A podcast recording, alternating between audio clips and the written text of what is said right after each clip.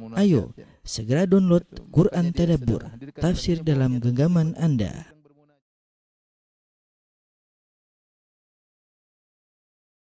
Bismillahirrahmanirrahim. Assalamualaikum warahmatullahi wabarakatuh.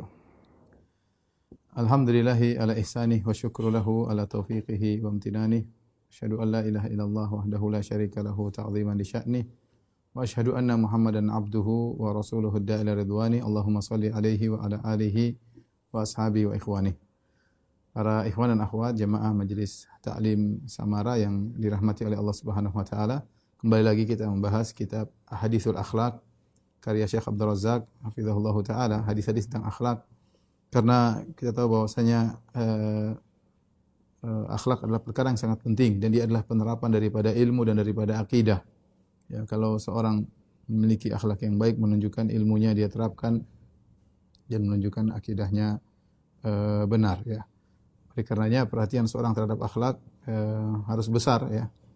Uh, akhlak yang baik sebab utama memasukkan orang ke dalam surga setelah tauhid dan akhlak yang buruk adalah sebab utama menjerumuskan orang dalam neraka jahanam setelah kesyirikan.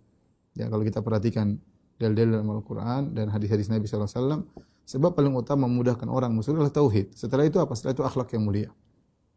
Dan sebab yang paling utama menjerumuskan orang dalam neraka jahanam adalah kesyirikan. Setelah syirik sebab utamanya adalah akhlak yang yang buruk. Maka eh, pengajian tentang akhlak adalah perkara yang harus sering diulang-ulang agar mengingatkan kita akan pentingnya akhlak dan kita berusaha menerapkan dalam kehidupan kita sehari-hari.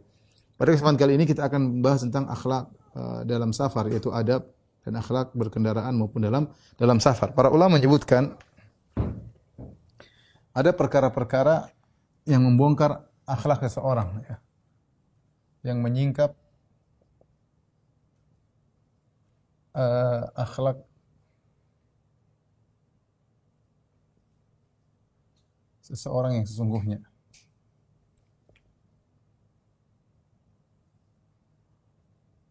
Ada beberapa perkara ya. Di antaranya misalnya seperti para mengatakan uh, dalam apa namanya uh, di rumahnya ya, di rumahnya bersama bersama anak istrinya.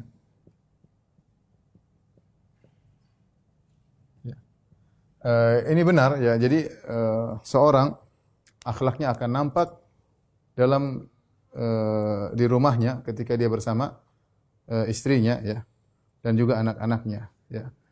Karena bagaimanapun seorang berusaha untuk berakhlak yang mulia di depan orang lain ya. Mungkin dia bisa menampakkan akhlak mulia di depan temannya, di depan gurunya, di depan teman kantornya, di depan uh, bosnya, tapi itu dia mampu karena itu cuma ada dua hal karena itu cuma sebentar dan kedudukan mereka memang di atas atau sejajar, se, sejajar dengan dia. Ya. Kedudukan mereka di atas sejajar dengan dia dan itu waktunya tidak panjang cuma sebentar. Lain halnya ketika di rumah. Di rumah dia akan berhadapan dengan orang-orang yang lemah. Istrinya, anak-anaknya, ya, e, pembantunya, ya, yang dia bisa omel terserah dia bisa omelin, dia bisa marah-marahin.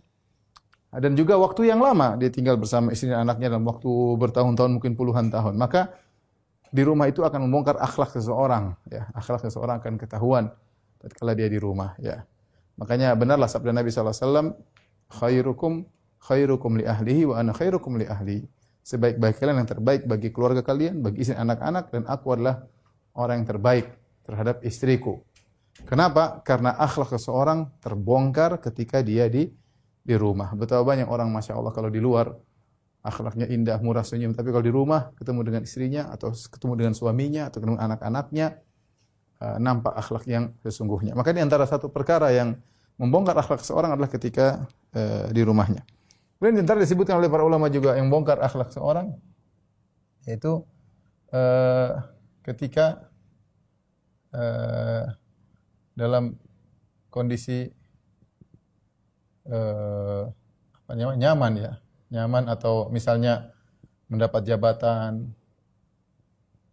jabatan atau kemudian eh, kaya yang dulunya miskin kemudian kaya, itu dalam kondisi lagi naik daun misalnya ya. Ini juga eh, nampak akhlak seseorang. Betapa banyak orang yang ketika dalam kondisi lemah, dalam kondisi susah, akhlaknya nampak eh, apa dia bisa berakhlak yang mulia. Dia murah senyum, kemudian dia apa namanya menghormati yang lain.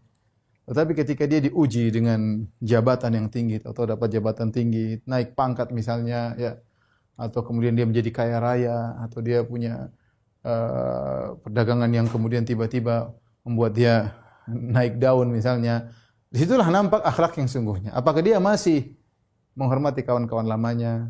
Apakah dia masih murah senyum kepada orang-orang miskin sebagaimana ketika dia dulu miskin?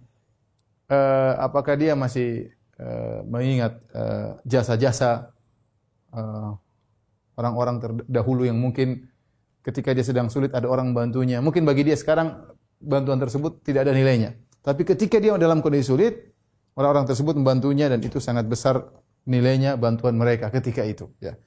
Dan ini akan nampak akhlak seorang. Siapa yang tidak dirubah oleh jabatan? Betapa banyak orang kemudian berubah eh, dengan jabatan. Jabatan merubah dia. Kenapa? Dia sekarang posisi yang tinggi, dia punya anak buah, dia boleh marah, dia boleh memerintahkan, uh, gaulnya dengan orang-orang hebat, gaulnya dengan orang-orang kaya, ya. Jangankan jangankan orang dapat jabatan, orang tidak punya jabatan saja, tapi dia gaulnya dengan orang-orang hebat, kenalan sama orang kaya, kenalan sama dia bisa berubah. Padahal dia tidak kaya. Dia hanya bergaul dengan orang kaya misalnya. Dia bisa berubah, bisa menjadi sombong dan angkuh. Apalagi kalau dia sendiri memang kaya. Apalagi dia dapat jabatan. Siapa yang tidak yang tidak dirubah oleh kekayaan? Siapa yang tidak dirubah oleh jabatan? Oleh karenanya banyak orang ya ketika uh, diberikan lagi naik daun, diberikan kekayaan, diberikan jabatan, dia berubah akhlaknya. Berubah akhlaknya, sama tangganya berubah, sama orang tuanya bisa berubah, sama adiknya bisa, sama kawan-kawannya jelas berubah sama kawan-kawan jelas sudah dilupakan. Tidak pernah diingat lagi tentang masa lalu yang indah. Tidak pernah diingat lagi bantuan-bantuan kawan-kawannya. Ya, sulit untuk bertemu dengan dia, sulit untuk uh, bermusyawarah dengan dia. Semuanya hilang begitu saja. Ya, ma'asalamah ketika dia uh, naik daun. Dan ini nampak akhlak seorang ketika dia dalam kondisi kuat, jadi pejabat atau jadi orang kaya, ya maka akan nampak akhlaknya yang sesungguhnya. Akhlaknya yang sesungguhnya. Kemudian antara hal yang membongkar akhlak seseorang adalah uh, ketika berselisih.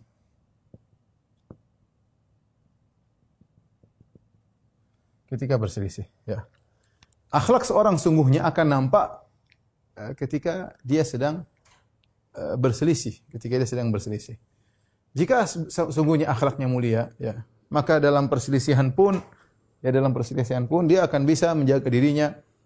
Uh, dia bisa misalnya membantah uh, lawannya dengan kata-kata yang bijak tanpa harus fujur, tidak harus uh, menuduh yang tidak-tidak, kemudian mengatakan hal-hal yang tidak benar ya, berlebih-lebihan, berusaha mencari-cari kesalahan hal-hal yang tidak penting dia ungkap dan macam-macam ya.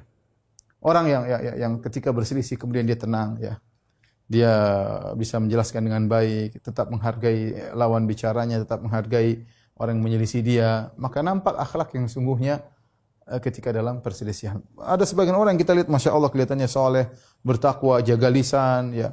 Tapi ketika berselisih, keluar semua borok-boroknya. Kalau udah nulis pedis, kalau dia bicara sadis, ya. Kelihatan, dendamnya, kelihatan, semuanya kelihatan. Ya.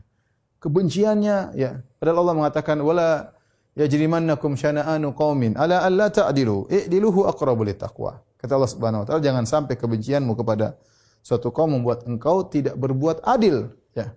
Ini ayat ini turun tentang kaum muslimin dengan orang kafir ya. Kalau orang kafir yang kita benci tapi kalau ada kita sedang menilai mereka atau ada berkaitan dengan hukum dengan mereka kita harus adil. Kalau orang kafir tersebut benar ya kita bilang benar. Kalau hak bersama mereka dalam misalnya urusan dunia kita bilang iya kalian benar. Ya, makanya Allah mengatakan la yajrimannakum syana'anu qaumin ala alla ta'dilu. Jangan sampai kebencian kalian kepada satu kaum buat kalian tidak adil. Lantas bagaimana kalau sama muslim? Sama muslim. Oleh karenanya akhlak sungguhnya kelihatan tatkala terjadi perselisihan. Bahkan dalam persahabatan. Ya, dulu bersahabat lama, mungkin dua tahun, tiga tahun, terjadi perselisihan nih. Namanya persahabatan mungkin tidak lanjut seterusnya, akan nambah perselisihan. Ya, terjadi perselisihan, kelihatan akhlak seseorang ketika sedang berselisih.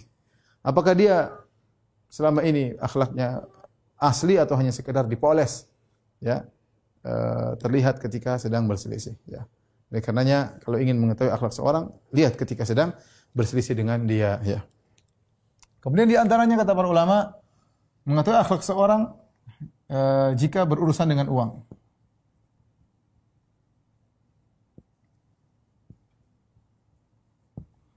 Ya. Apa? Misalnya kongsi dagang, kerjasama, ya. atau masalah utang piutang. Ya akhi, akhlak seorang nampak ketika masalah keuangan ya. Kalau ternyata dia kita kerjasama dengan dia masalah keuangan, ternyata dia uh, berusaha mengambil uang tanpa keadilan, dia mengambil jatah yang berlebihan, padahal sahamnya cuma sekian, dia ambil lebih banyak. Ya nampak akhlak seorang ketika uh, urusan dengan uang. Ya. Urusan dengan uang. Demikian juga masalah utang piutang. Ya. Seorang betapa banyak akhlaknya nampak ketika dia berhutang kepada orang lain. Apakah dia jujur, apakah dia berusaha untuk membayar hutang tersebut, ataukah dia cuekin, ataukah dia malah uh, matikan nomor, ganti nomor telepon. Ya, nampak akhlak seorang ketika dalam masalah uang. Ya, karena manusia itu memang dibuat cinta kepada harta. Ya, apakah kecintaan ini membutakan dia dari akhlak yang baik?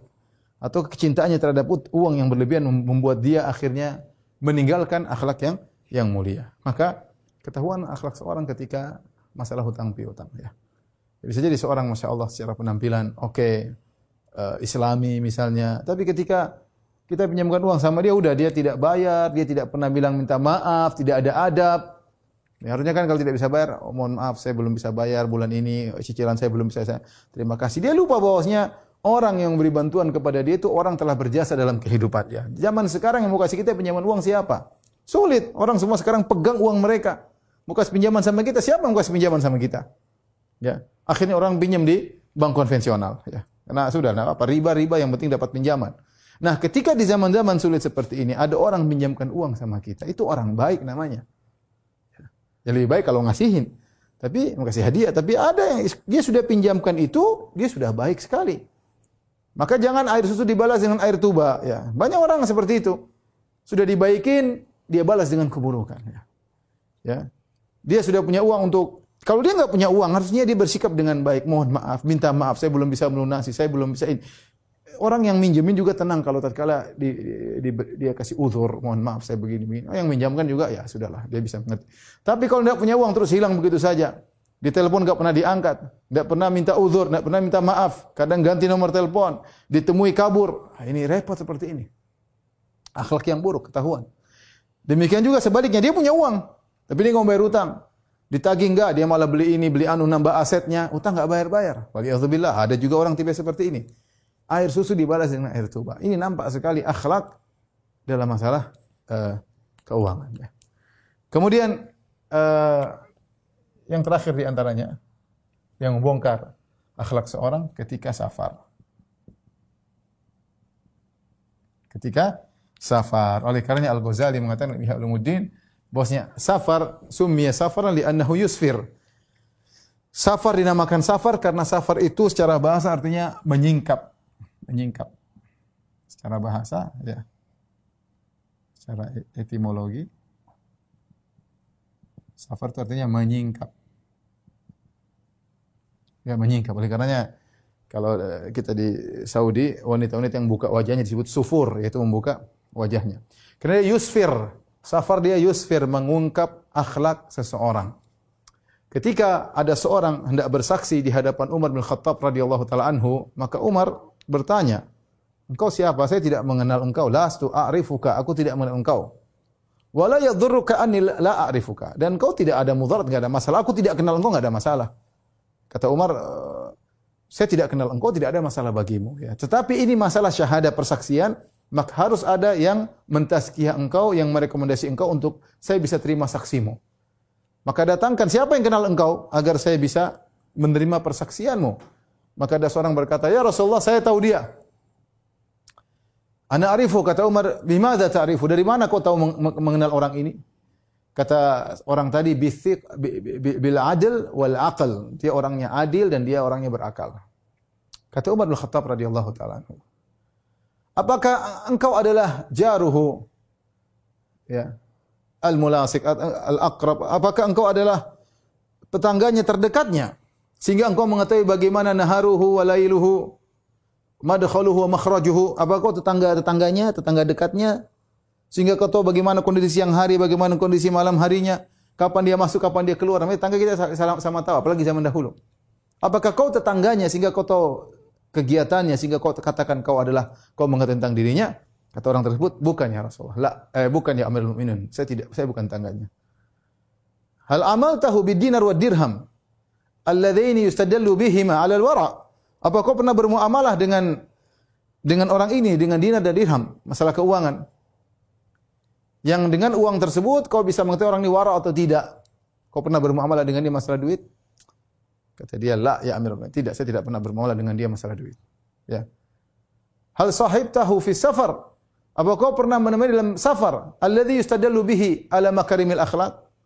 Yang dengan safar diketahui akhlak mulia seseorang. Ini perhatian perkataan Umar. Dan keriwayat ini hadisnya sanatnya dihasankan atau disahihkan oleh Ibnu Hajar rahimahullahu taala. Apakah kau pernah menemani dalam perjalanan yang dengan safar diketahui sejatinya akhlak seseorang? Akhlaknya baik atau akhlaknya buruk dengan safar tersebut. Kata dia la tidak juga Amirul Mukminin. Kata Umar, lasta ta'rifu kalau gitu kau tidak mengenal orang ini. Kalau kau tidak mengenal orang ini. Di antara uh, perkataan Umar tadi, safar uh, mengungkap akhlak seseorang. Ini safar mengungkap akhlak uh, seseorang. Apalagi kalau kita bicara tentang akhlak safar zaman dahulu yang penuh dengan kesulitan, di bawah terik matahari, kendaraan yang sederhana, kemudian uh, kadang mengalami kesulitan, terkadang dihantam dengan angin kencang, dihantam dihantam dengan debu ya subhanallah. Terkadang kehabisan makanan, terkadang tidak menemukan mata air dan macam-macam namanya safar zaman dahulu melewati padang pasir, maka kondisi-kondisi seperti ini akan membongkar akhlak seorang. Apakah dalam safar dia perhatian sama orang lain ataukah dia hanya mementingkan perutnya sendiri? Ataukah dia memperhatikan rombongan? Ataukah dia cepat emosian? Ataukah dia pelit? Ataukah dia baik? Apakah dia sholat malam atau tidak? Apakah dia sholatnya bagaimana? Semua ketahuan dalam safar. Terlebih lagi safar zaman dahulu. Makanya Nabi SAW mengatakan As-safaru atau minal azab. Safar itu adalah potongan dari uh, siksaan. Maksudnya orang kesulitan dalam safar. Ya.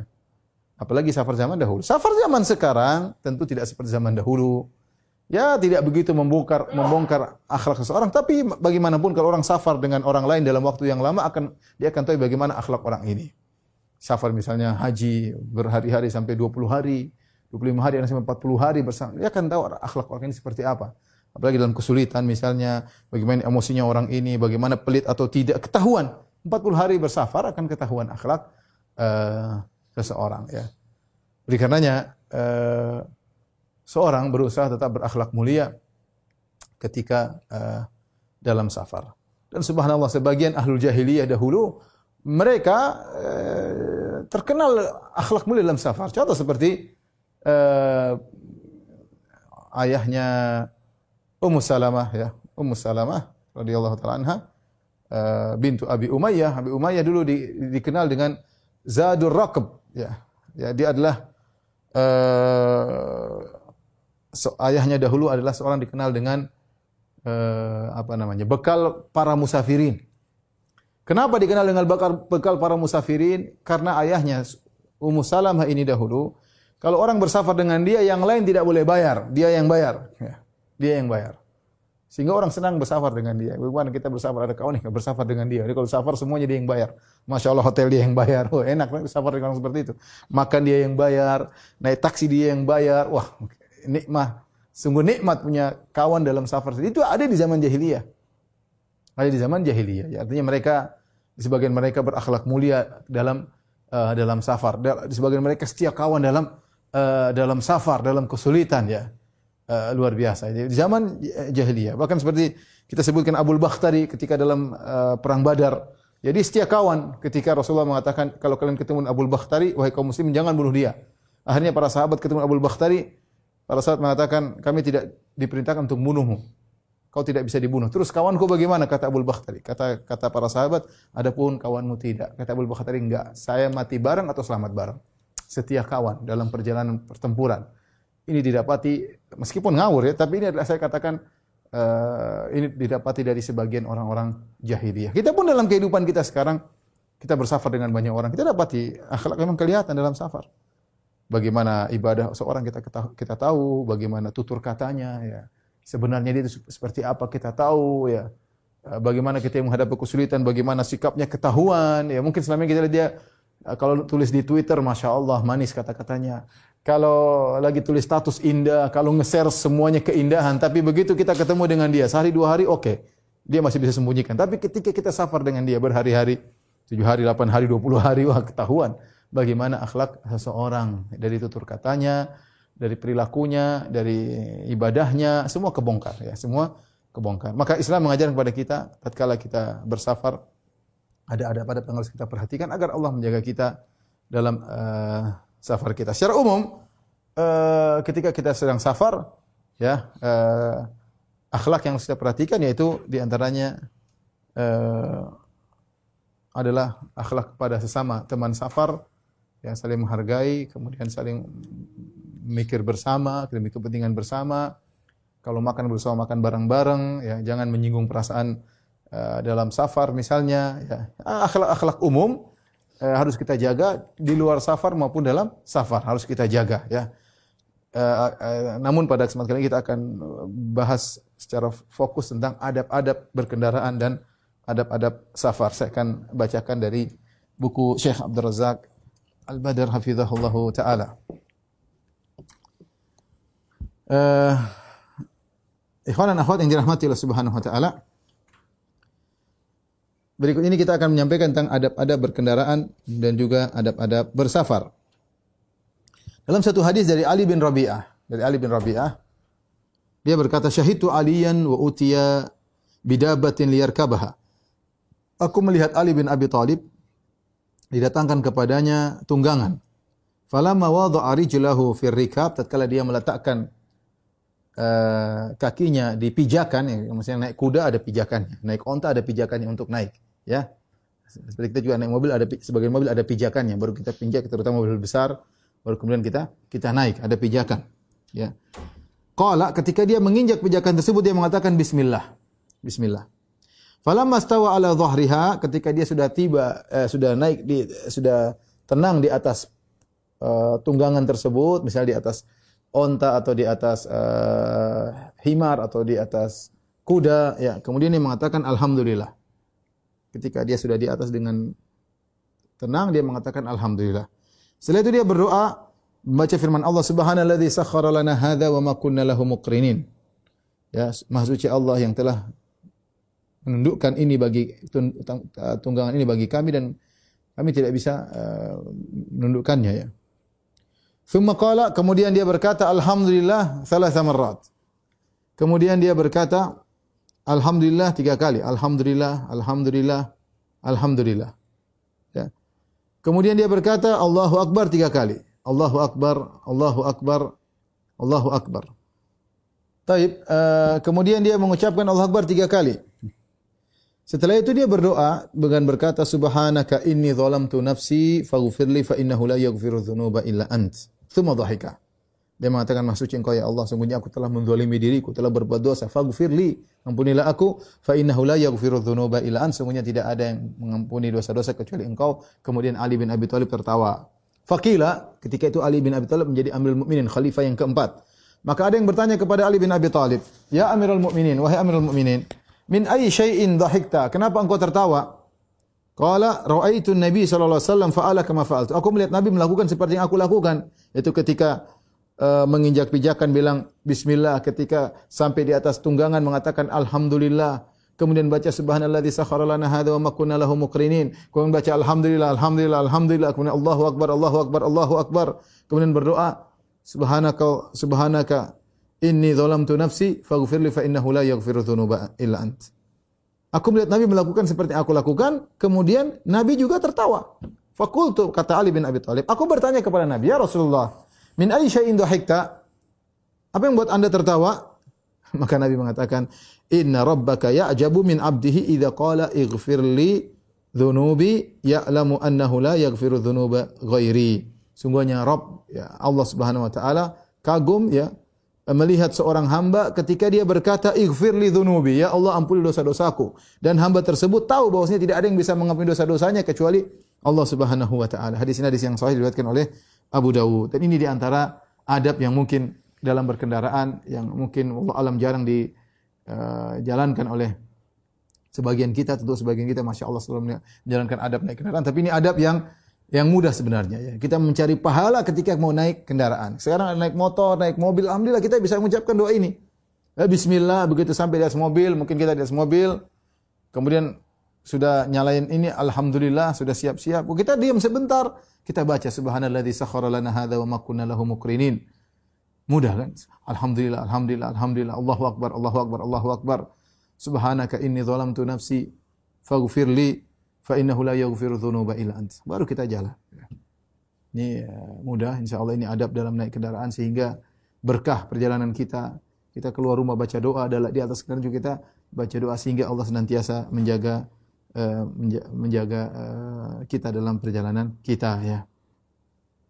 Dari Ibnu Umar radhiyallahu taala anhu ya, ketika Nabi wasallam ingin bersafar, maka apa doa ketika naik kendaraan hendak bersafar. Beda kalau tadi bukan dalam kondisi bersafar, seorang ingin ke kantor, naik naik kendaraan kapan saja, mau ke kantor, mau ke eh, rumah teman, mau ke mana saja, ya, mau ada keperluan, yang penting naik kendaraan, naik motor atau naik mobil, maka doanya demikian. Adapun kalau untuk safar maka doanya lebih spesial lagi. Kata Ibnu Umar radhiyallahu taala anhu bahwasanya Rasulullah SAW kalau hendak bersafar dan dia sudah berada di atas uh, tunggangannya kharijan ila safarin dalam rangka untuk bersafar kabbaru thalathan. Maka doanya Allahu Akbar, Allahu Akbar, Allahu Akbar. Ini doa yang sering kita dengar kalau kita naik pesawat Saudi Airlines ketika umrah atau haji ya. Mudah-mudahan kita dimudahkan segera untuk bisa umrah dan haji ya. Allahu Akbar, Allahu Akbar, Allahu Akbar. Kemudian Rasulullah berbaca Subhanalladzi sakhkhara lana hadza wa ma kunna lahu mukrinin wa inna ila rabbina lamunqalibun. Yang artinya Maha suci Engkau ya Allah yang telah memudahkan bagi kami kendaraan ini mau pesawat, mau mobil atau yang lainnya. Wa ma kunna lahum mukrin sebelumnya kami tidak bisa menguasainya. Wa inna ila rabbina lamunqalibun. Sungguh kami akan kembali kepada Rabb kami. Subhanallah. Mau bersafar tauhid, mau bersafar ingat tentang hari akhirat, ya. Allahumma inna nas'aluka fi safarina hadza. Ya Rabb kami, kami mohon kepada Engkau dalam safar kami ini. Al-birra wa taqwa. Al-birra wa taqwa kami mohon kepada Engkau kebajikan dan ketakwaan. Wa minal amali ma tarda. Dan kami mohon bisa melakukan amal yang kau ridhai ya karena dalam safar banyak yang kita ketemui ya Allahumma hawin alaina safarana hadza ya Rabb kami ya ringankanlah bagi kami safar kami ini watwi anna bu'dah dan dekatkanlah jarak safar tersebut Allahumma anta sahibu fi safar ya Allah engkau adalah yang menemani kami dalam safar wal khalifatu fil ahl dan engkau adalah yang menggantikan kami di keluarga kami yang kami tinggalkan Allahumma inni a'udzubika min wa'tha'is safar wa ka'abatil manzar ya Allah Ya, aku berlindung kepada engkau dari kesulitan-kesulitan safar. Wa ka'abatil manzar, perkara-perkara yang tidak baik yang menyebabkan kesedihan atau uh, apa namanya kesulitan yang dilihat ya. Wa su'il munqalab yaitu kembali yang buruk fil mali wal wal ahl atau hal-hal yang buruk ya, ya, ya, ya yang terjadi pada keluarga maupun harta yang kita yang kita tinggalkan. Ini doanya ya. Wa idza raja'a qalahunna wa zada fihinna. Kalau pulang dari safar doanya sama. Ketika pulang dari safar doanya sama tapi mengatakan ayibun kami kembali ya Allah taibun dalam kondisi bertaubat abidun dalam kondisi beribadah kepada Engkau li rabbina hamidun dan kami memuji Rabb kami. Ini doa ketika mau safar ya. Ulangi Allahu Akbar, Allahu Akbar, Allahu Akbar. Subhanalladzi sakhkhara lana hadza wa ma kunna lahu muqrinin wa inna ila rabbina lamunqalibun. Allahumma inna as'aluka fi safarina hadza albirra wa taqwa wa amali ma tarda. Allahumma hawwin alaina safarana hadza wa twi 'anna bu'da. Allahumma anta sahibu fi safar wal khalifatu fil ahl. Allahumma inni a'udzu bika min wa'tha'i safar wa ka'abatil manzar wa su'il munqalabi fil mali wal ahl. Ini di antara doa. Tapi saya jelaskan sedikit tentang doa ini. Uh, kita bertakbir Allahu Akbar Allahu Akbar kemudian kita mengatakan tadi Maha suci Allah yang telah memudahkan tunggangan ini atau kendaraan ini bagi kami. Sebelumnya kami tidak bisa menguasainya.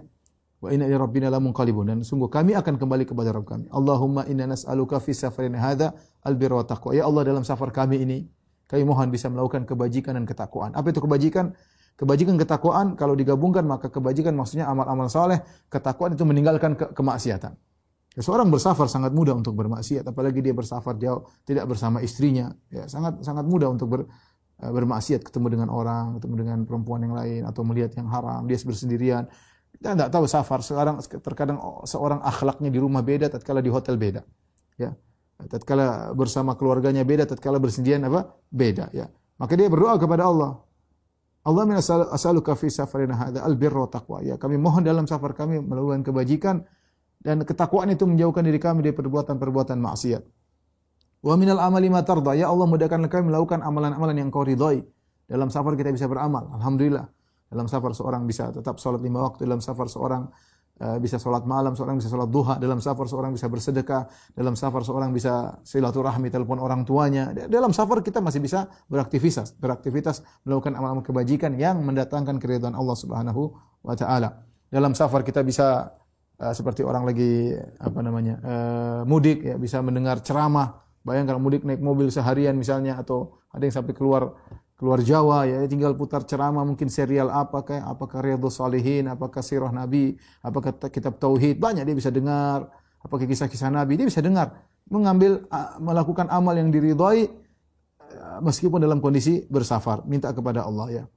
Allahumma hawin alaina safarana hadza. Ya Allah mudahkanlah, ringankanlah safar kami. Safar berat, butuh biaya, butuh energi. Apalagi di jalan khawatir uh, malam hari, khawatir ada tabrakan dan yang lainnya ya minta Allah uh, mudahkan. Uh, rawan terjadi kecelakaan, rawan ngantuk dan macam-macam, maka minta kemudahan kepada Allah Subhanahu wa taala. Wa tu'i anna bu'dah ya Allah dekatkanlah jarak safar itu kita menempuhnya dengan mudah, tidak kelihatan sulit, cepat sampai. Allahumma anta sahibu fil safar. Ya Allah, Engkau adalah teman kami dalam perjalanan, yaitu ma'iyah khasah, yaitu Engkau menemani kami dengan pertolongan. Ya, kalau kami kembali kepada Engkau ya Allah, maka tolonglah kami temanilah kami dalam perjalanan kami. Wal khalifatu fil al, ya Allah tidak ada yang menjaga keluargaku, tidak menjaga anak-anakku kecuali Engkau. Aku tinggalkan mereka dan Engkau adalah khalifah fil ahl. Engkau yang menjaga mereka ya Allah. Bayangkan seorang bersafar ingat ini semua ya agar ini doa agar Allah bisa menjaga anak-anak kita, menjaga istri kita. Allahumma inni a'udzubika min wa'tha'is safar. Ya Allah, aku berlindung kepada Engkau dari hal-hal yang uh, berat dalam safar ya. Ya. dan banyak hal yang bisa kita temukan apalagi musim haji tahu-tahu bis mogok lah, apalah, atau terjebak dalam kemacetan, harus berjalan jauh. Ya ini semua kita berlindung agar diberi kemudahan. Wa ka'abatil manzar dan pandangan-pandangan yang menjinihkan yang kalau seorang lihat maka akan uh, menyedihkannya. Wa su'il munqalab fil mailu ahl dan juga hal yang buruk yang menimpa keluarga dan harta. Ketika dia pulang dari safarnya menuju pulang rumah kembali dia baca juga doa yang sama, tetapi dia tambahkan aibun, taibun, abidun li rabbina hamidun.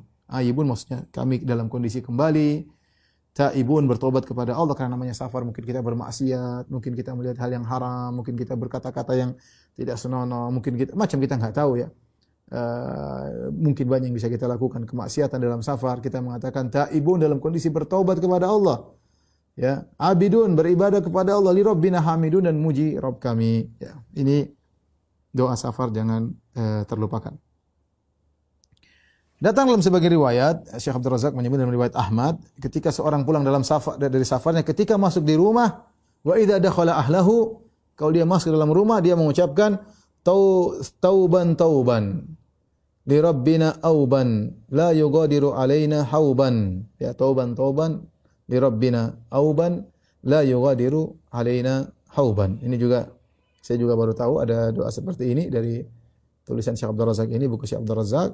Hadis riwayat Ahmad dan di dan Ibnu Hibban dan dihasankan oleh Syekh Albani rahimahullahu taala yaitu uh, setelah dia baca doa pulang dari safar ketika masuk di rumah ketemu dengan istrinya dia mengatakan tauban tauban li rabbina auban la yughadiru alaina hauban yang artinya kami bertobat ya Allah dan kami kembali kepada Rabb kami dan uh, semoga Rob kami tidak meninggalkan sedikit dosa pun kepada kami yaitu diampuni dosa-dosa dosa-dosa kami. Tapi di antara adab safar dan berkendaraan kalau naik tempat yang tinggi maka bertakbir, kalau turun tempat yang rendah maka bertasbih. Kata Jabir bin Abdullah, "Kunna idza sa'atna kabbarna." Kami kalau naik kami bertakbir, kalau kami turun idza nazalna sabbahna. Kalau kami turun kami bertasbih. Kata sebagian ulama bahwasanya hikmahnya ketika kita naik mungkin kita merasa di tempat yang tinggi, kita ingat ada yang lebih tinggi daripada kita semua, ada yang lebih hebat daripada kita semua. Mungkin kita naik mobil mobil mahal, kemudian tinggi, mungkin kita naik pesawat, ya, kita merasa ada sesuatu, apalagi duduk di first class atau di business class, merasa-merasa kita bilang Allahu Akbar, Allahu Akbar, Allahu Akbar, Allahu Akbar, Allah Maha Besar dari segalanya. Allah Maha Besar dari segalanya. Ketika kita turun melewati tempat-tempat yang rendah, kita bertasbih subhanallah, subhanallah. Allah Maha Suci dari segala kekurangan. Subhanallah. Bagaimana seorang selalu dalam safarnya uh, diingatkan kepada Allah Subhanahu wa taala. Demikian juga di antara adab ketika safar ya uh, uh, di antara petunjuk Nabi SAW, Nabi SAW mendoakan orang yang hendak bersafar. Ya, mendoakan orang yang hendak bersafar. Ketika kita sedang bersafar, kita uh, tahu dia, kita pamitan, pamitan kepada orang. Kata para ulama diharapkan sebagai sebagai sebagaimana perkataan Ibn Abdul Bar, yaitu kita pamitan kepada orang-orang agar mereka mendoakan kita. Ya. Karena kita butuh doa. Kita pergi entah kembali atau tidak. Ya. Maka uh, kalau mereka doa dengan tulus, masya Allah ya. Nabi SAW demikian. Kalau ada orang tidak bersafar, Nabi doain dia. Dia datang pamitan sama Nabi, Nabi doain. Maka uh, Nabi SAW berdoa, Astaudiullah dinak wa amanatak wa khawatima amalik. Aku menitipkan kepada Allah agamamu. Aku menitipkan kepada Allah amanahmu dan aku menitipkan kepada Allah agar Allah menjaga penutup-penutup amal. Saya nggak tahu safar bisa jadi meninggal. Artinya, ya Allah aku menitipkan kepada engkau penutup amal dia. Kalau dia meninggal, husnul khotimah dalam safar terus entah ketabrak entah apa nggak tahu tapi husnul khotimah dalam kondisi bertakwa kepada Allah. Uh, kemudian di Allah dinak, aku titipkan agamamu kepada Allah Subhanahu wa taala. Saya katakan dari kata safar uh, bisa jadi uh, apa namanya rentan seorang terjumus dalam kemaksiatan ya. Lagi kalau ada keperluan ke negara-negara kafir, lihatulillah ya. ya. Hati-hati ya, apa namanya? Ada cerita buruk saya ketemu dengan sebagian kawan di cerita Ustaz saya punya kawan lagi bersafar dengan saya di suatu negara, kemudian ngajak saya berzina di suatu hotel-hotel tersebut berisi berbagai macam wanita dari berbagai macam mancanegara. Dia bilang kapan lagi dia dapat kesempatan seperti ini. Walhamdulillah. Dia kalau pulang ke rumah mungkin soleh. Tapi ketika sedang bersafar, ya, kemudian di depan dia ada kesempatan untuk bermaksiat. Kata dia, kata dia sama kawan saya tersebut, kapan lagi kita bisa melakukan? Ini lagi berbagai macam mancanegara, mau wanita dari negara ini, dari negara ini, dari negara ini, dari negara mana, ada semua. Ya, tinggal bisa dicicipin ya. Waliyadzubillah, teman saya tidak tidak mau dia cerita eh, menyedihkan ya. Ya karena namanya orang sedang bersama terkadang agama dia berubah. Maka kalau kita ingin terjaga, kita pamitan sama orang. Kalau kita berpamit sama orang yang sudah kenal sunnah, mereka akan doain. Astaudiullah dinak wa amanatak wa khawatima amalik. Aku menitipkan kepada Allah agamamu, amanahmu dan juga penutup amal amal ya. Uh, yaitu berdoa agar Allah menjagamu. Intinya berdoa agar Allah menjagamu. Demikian seorang datang kepada Rasulullah, dia mengatakan, "Ya Rasulullah, ini uridu an usafir, fa'ausini." Ya Rasulullah, aku ingin bersafar, berilah wasiat kepadaku. Kata Rasulullah SAW, "Alaika bitaqwallah wa takbir ala kulli syaraf." Hendaknya kau bertakwa kepada Allah dan setiap kau naik tempat yang tinggi bertakbirlah. Ya. Falamma anwalla rajul tatkala seorang orang tersebut pergi maka Nabi mendoakan dia kata Nabi Allahumma tuwilahul arda wa hawin alaihi safar ya Allah lipatlah bumi baginya dan mudahkanlah dia dalam safarnya. Uh, demikian juga ada seorang berdatang kepada Nabi berkata ya Rasulullah ini uridu safaran ya Allah aku ingin bersafar ya Rasulullah aku ingin bersafar fazawidni berilah bekal kepadaku Kata Nabi SAW, Zawadakallahu taqwa. Semoga Allah memberikan bekal engkau ketakwaan. Seperti firman Allah Subhanahu wa taala dalam masalah haji, "Wa tazawwadu fa inna khairaz zadi taqwa." Berbekalah kalian dalam haji butuh biaya, butuh makanan, butuh duit, tapi sebaik-baik bekal adalah ketakwaan. Sebaik bekal adalah ketakwaan. Ittaqillah haitsu makun. Bertakwalah engkau kepada Allah di mana pun kau berada. Ketika dalam negeri, ketika di luar negeri. Ketika bersafar bersama keluarga, ketika bersafar sendirian. Ya. Makanya di antara sunnah kalau kita bisa bersafar dengan istri, bersafar dengan istri. Nabi SAW bersafar dengan istrinya. Bahkan dalam safar-safar yang mengerikan, safar untuk berjihad, Rasulullah SAW bersafar dengan istrinya. Ya, itu sunnah Nabi. Kalau kita bisa bersafar dengan istri, kita punya duit. Ya, selama istri tidak bawel, tidak bikin ganggu usaha kita, tidak bikin macam-macam, ya bawa. Kalau punya duit, kalau nggak punya duit, ya apa boleh buat. Ya, tapi kalau punya duit, kita bawa istri kita. Jadi teman ngobrol kita di pesawat, di mobil, ya. sunnah. Sunnah ya. Kalau istri antum banyak, antum bisa bikin uh, qur'ah, yaitu undian yang keluar namanya antum bawa. Tapi kalau cuma satu ya itu ajak itu aja, diajak ke mana-mana, nggak perlu undian. Di undian pun yang keluar dia terus ya. Jadi uh, sunnah uh, Nabi SAW adalah bersafar dengan istri. Ya. ya mungkin ada sebagian orang, Ustaz saya kalau bawa istri repot ya, ngurusin dia, kita ngurus mau serius dalam uh, usaha, ada pertemuan rapat dan macam-macam, oke lah. Kalau memang ada uzur silakan. Tapi kalau kamu mampu saya katakan bersafar menjalankan sunnah, bawa istri. Dalam safar apa pun. Ya, bawa istri. Kalau memungkinkan. Ya, karena dengan adanya istri lebih menjaga kita. Menjaga pandangan kita. Mungkin kita lagi ngeliat cewek-cewek, lihat pramugari dijual sama istri. Heh, mas, pandanganmu mas. Matamu itu. Eh, di, di, dijual sama sama istri ya. Ya, ada istri yang mengingatkan ya uh, nggak enak sama istri ya. Ini di antara sunnah, apalagi di zaman sekarang uh, maksiat di depan uh, kita. Kita mungkin ada orang mungkin safar kalau sendirian mungkin dia lihat macam-macam ya ada istrinya dia malu ya. Jadi sunnah kalau bisa bawa istri bawa istri. Jadi kita ketika sunnahnya ingin bersafar kita pamitan kalau tidak bisa ketemu langsung kita telepon kalau nggak bisa telepon kita bisa lihat WA kepada teman-teman dekat kita yang kita tahu mereka tulus mendoakan kita. Dan yang dipamiti jangan jangan uh, malu-malu untuk sungkan-sungkan mendoakan.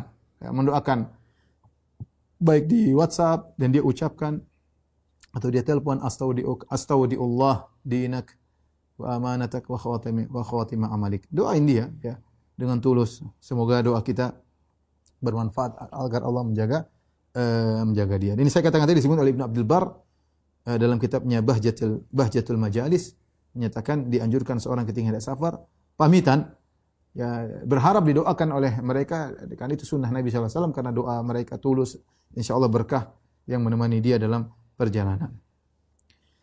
Kemudian juga dalam uh, uh, perjalanan ya dalam perjalanan uh, di di dimakruhkan untuk safar sendirian, dimakruhkan safar sendirian. Ya, apalagi safar di malam hari. Kata Nabi SAW dan Ibnu Umar, "Lau ya'lamun nasu ma fil wahdah, ma a'lamu ma sara rakibun bilailin wahdahu." Kalau seandainya orang-orang mengetahui tentang bersendirian, apa yang aku ketahui tentang bersendirian, bahayanya sendirian, maka tidak seorang pun yang bersafar di malam hari sendirian. Ini eh, kesebaran mengatakan di zaman dahulu ya ketika seorang bersendirian, safar sendirian malam hari berbahaya, maka jangan dia bersafar sendirian di malam hari ya. Uh, karena bahaya. Ada perampok, ada kalau terjadi sesuatu dengan dia tidak ada yang menolongnya. Kalau dia sakit siapa yang menolongnya? Kalau dia meninggal tengah jalan siapa yang menguburkannya? Ya, maka jangan safar sendirian. Tapi zaman sekarang alhamdulillah ya sebenarnya mengatakan ilahnya sudah hilang. Ya, kita bersafar rame-rame dalam satu kereta api misalnya, dalam satu pesawat, kita tidak sendirian, rame.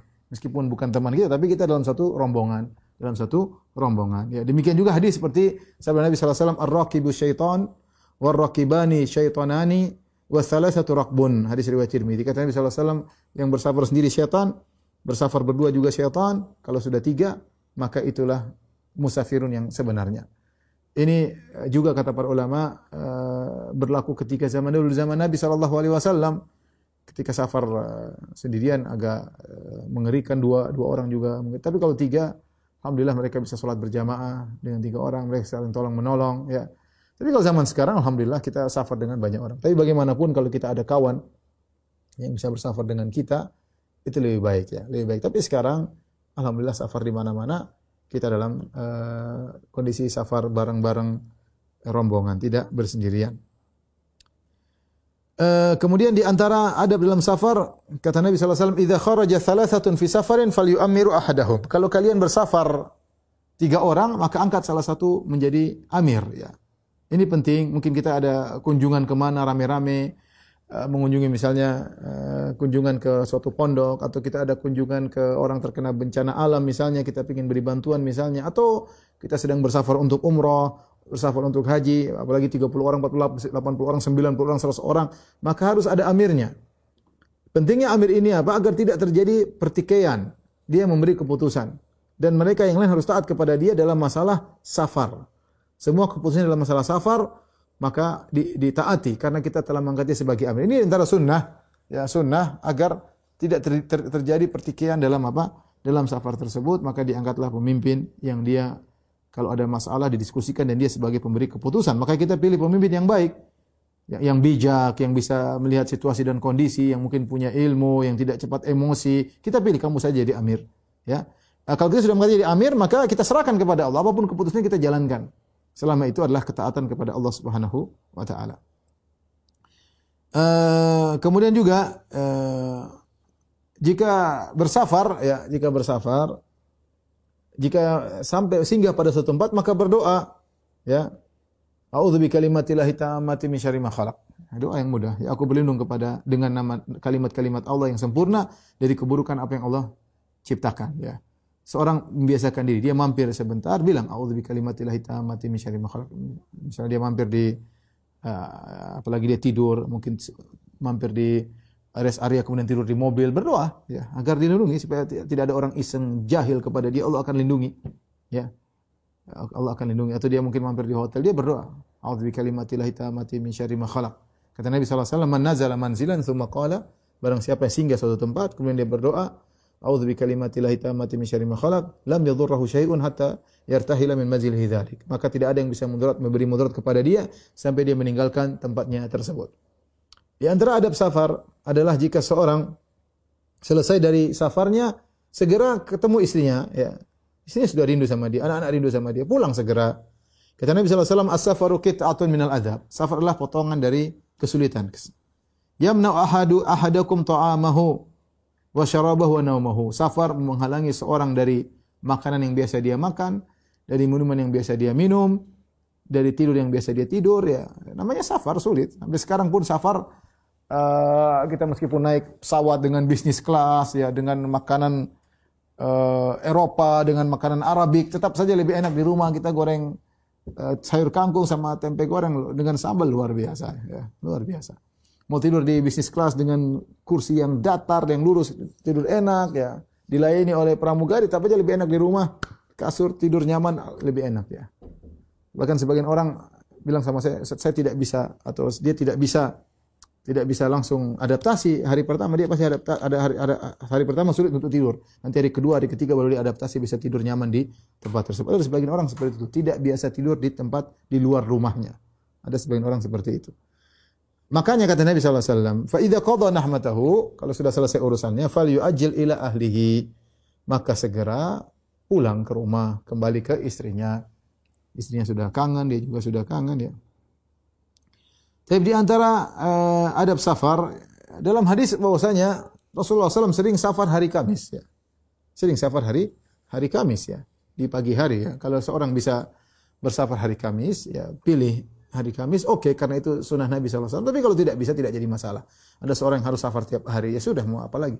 Tapi kalau kita di tangan kita bisa milih mau pilih hari apa Jumat kah kita berangkat Selasa kah Kamis Rabu Senin ya kita pilih Kamis. Kenapa? Karena Nabi SAW sering bersafar di eh, Kamis pagi ya, atau di hari Kamis kalau memungkinkan. Kalau ada halangan yang lain terserah hari apa saja tidak jadi eh, masalah. Kemudian perlu diingatkan wanita tidak bersafar tanpa mahram. Kata Nabi wasallam, "La yahilu limra'atin tu'minu billahi wal yawmil akhir tusafiru masirata yawmin illa ma'adhi mahram." Tidak halal bagi seorang wanita beriman kepada Allah dan hari akhirat. Kalau anti beriman kepada Allah, anti beriman kepada hari akhirat, maka tidak halal anti bersafar dengan jarak satu hari, satu malam, kecuali dengan mahram. Ini hukum asal, kecuali darurat, darurat lain cerita. Darurat atau hajah syadidah dalam kondisi mendesak, ya, apa boleh buat seperti sebagian wanita yang harus berhijrah sendirian dari Mekah menuju Madinah. Ya. Tapi asalnya seorang jangan menggampangkan hal ini. Kecuali ada uzur, ternyata suaminya di luar negeri, adik-adiknya suruh temani, nggak ada duit juga untuk menemani dia, dia harus bayar tiket, dia nggak punya duit, sementara dia harus berobat, misalnya ke keluar kota, atau dia harus menyinggung orang tuanya sedang sakit. Ya ini lain cerita. Ya, dia bismillah, dia berangkat meskipun sendirian, cari e, kendaraan yang aman, insya Allah maka tidak jadi masalah. Ya, tapi menggampangkan sedikit-sedikit, safar sendiri. Ya, apalagi safarnya bukan keperluan mendesak, mau jalan-jalan ke luar negeri, mau ke mana? Mau ke Thailand. Kita ngapain? Nonton, nonton apa kayak nonton orkes, kayak nonton konser lah, apalah. Mau ke mana? Mau Prancis, mau ke Paris. Suami mana? Ya, saya tidak perlu suami, yang penting duit ada. Ya, ini gimana seperti ini? Menggampangkan. Ya. Dalam kondisi terdesak lain lagi ceritanya itu ya uzur insya Allah. Tapi maksud saya jangan menggampangkan seorang bersafar tanpa uh, tanpa mahram. Kita sebagai suami juga jangan pelit. Kalau misalnya saya katakan misalnya istri kita bersafar, kita nggak bisa, kita telepon adiknya, uh, kita telepon ipar kita, tolong temani kakakmu, duit saya yang tanggung, ya. Keperluanmu, keperluan keluargamu ketika kau temani temani kakakmu saya yang tanggung ya. Seperti itu ya. Kita ini keluar kita keluarkan uang pada tempatnya. Sehingga uh, istri kita pergi dengan dengan nyaman dan kita pun nyaman ya. Ada yang menemaninya ya. Ya, sekarang memang luar biaya untuk biaya pesawat memang berat, tapi kalau kita mampu, ya kenapa tidak kita keluarkan? Toh itu kita keluarkan bukan sia-sia, bukan kita sedang buang duit, tidak.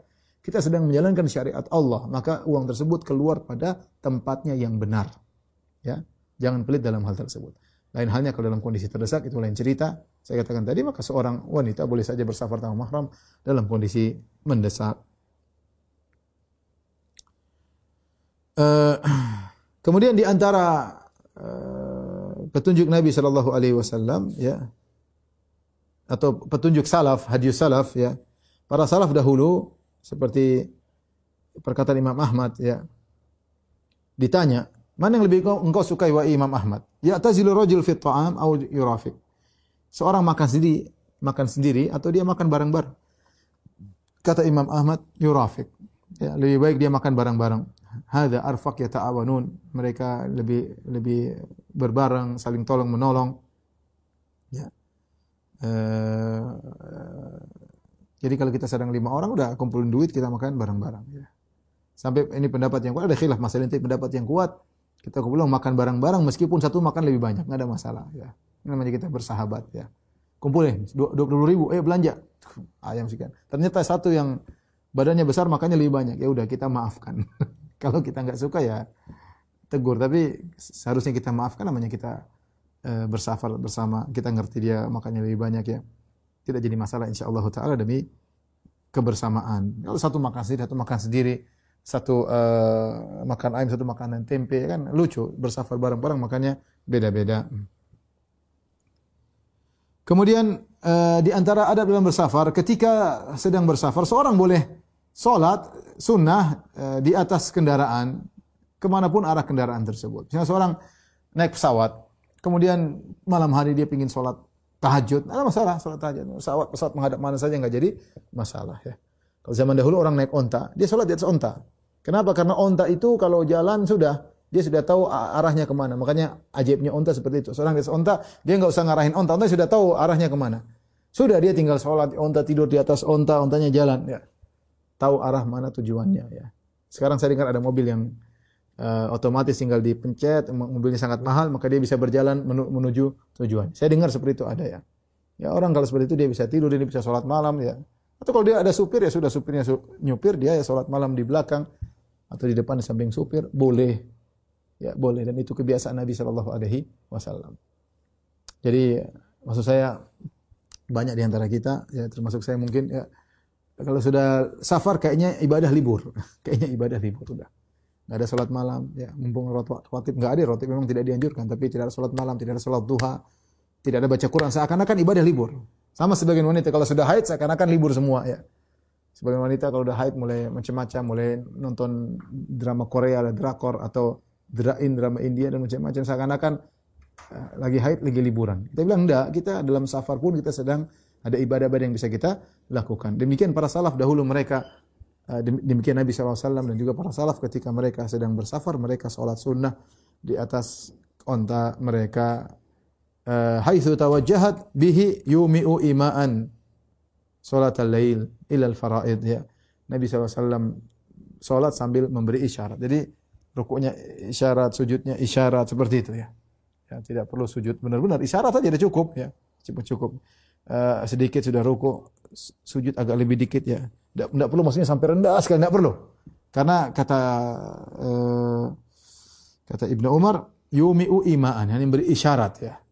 Maksudnya tidak tidak harus ketika ruku miring sekali, ketika sujud sampai ke bawah sekali enggak harus. Seperti kita di pesawat, Allahu Akbar, tidak harus kita sujud sampai enggak harus. Kita cukup rukuk begini sudah, sujud cukup begini sudah cukup enggak ada masalah. Yumi'u imaan ketika kita uh, salat sunnah. Uh,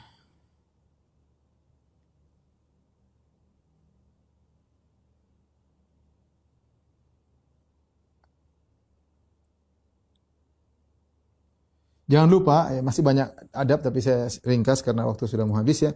Eh, di antara adab, jangan lupa banyak berdoa ketika safar ya. Kata Nabi SAW dari hadis Abu Hurairah, salah sudah awatin mustajabat, la syakka. Tiga doa yang pasti dikabulkan tidak ada keraguan dalamnya. Dakwatul walid, doanya orang tua. Dakwatul musafir, doanya orang sedang bersafar. Wa dakwatul mazlum, doanya orang sedang dizalimi. Tiga, doa orang tua, ayah maupun ibu kepada anaknya, doa seorang sedang bersafar, doa sedang dizalimi.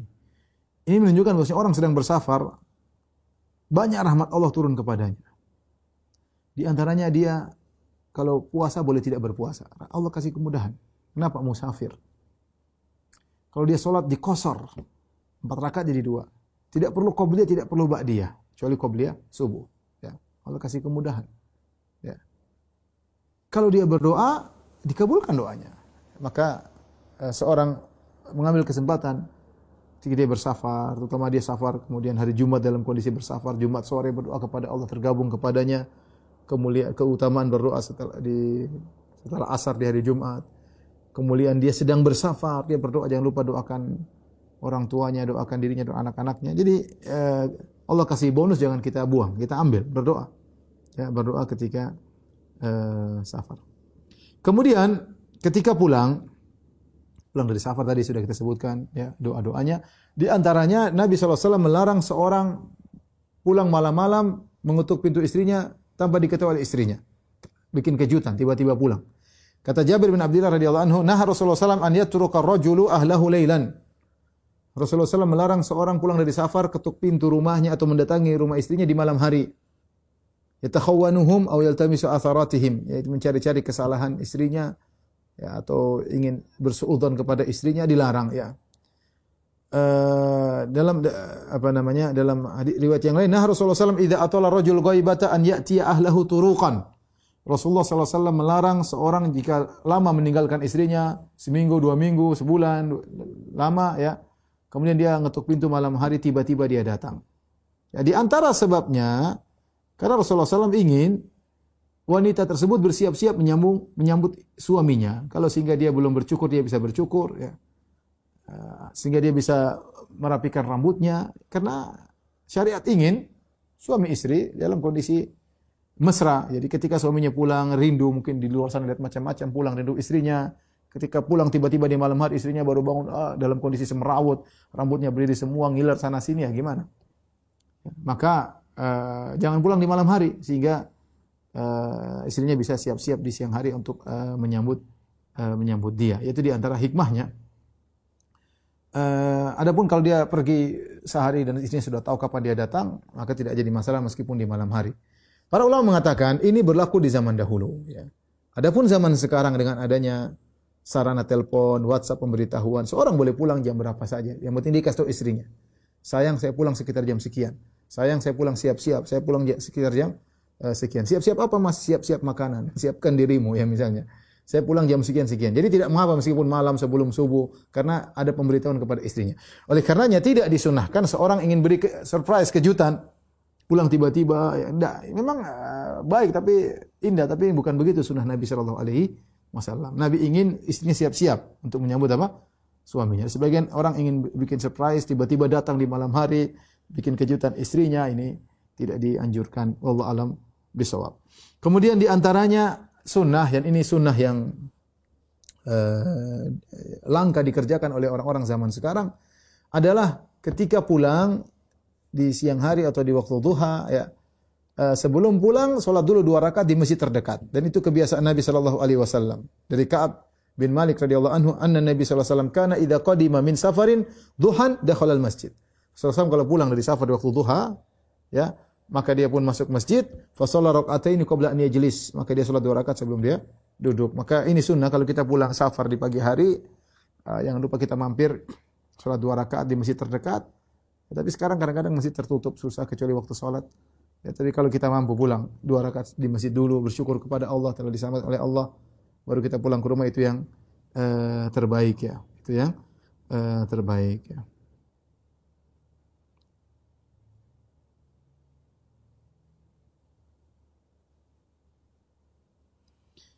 Kemudian yang terakhir yang diingatkan oleh Syekh Abdul Razak hafizahullah taala dalam adab berkendaraan hati-hati ya Seorang jangan bawa mobil ngawur, ya betapa banyak kecelakaan. Jangan kita beri mudarat kepada orang lain ketika berkendaraan punya adab. Jangan kita nyalip tiba-tiba buat orang kaget. Jangan kita nakut-nakuti orang, betapa banyak kecelakaan. Uh, jangan kita parkir di bahu jalan bahaya. Hal-hal yang hal-hal yang mungkin bisa membuat kita memberi mudarat kepada orang lain. Ya. Kita bisa celaka dan kita bisa mencelakakan orang orang lain ya. Rem diperiksa, mobil yang baik yang sampai kita bawa mobil dalam kondisi tidak tidak uh, tidak baik sehingga tidak bisa punya rem bisa nabrak orang dan yang lainnya ya. Intinya adab dalam berkendaraan. Cepatan kita atur, ya jangan berlebihan. Ya, apalagi kita tidak bisa mengontrolnya, betapa banyak terjadi kecelakaan. Uh, agar kita dalam bersafar bertakwa kepada Allah tidak menzalimi orang orang lain, tidak menzalimi. Kalau ada orang kemudian ingin lambung kita kasih biar dia lambung. Jangan kita emosi kemudian kita ingin lambung dia, kejar-kejaran mengeri mengerikan di dalam perjalanan. Jangan begitu setelah dia mau lambung-lambung aja. Mungkin dia lagi sakit perut atau apa ya. Biarin aja ya. Atau ada keperluan mungkin ibunya sakit. Ya sudah jangan kita halangi dia. Jangan kita halangi dia. Sehingga dia mungkin ada keperluan mendesak. Uh, dan yang lainnya. Wallah alam bisawab ini dari sebagian uh, adab dalam berkendara dan bersafar.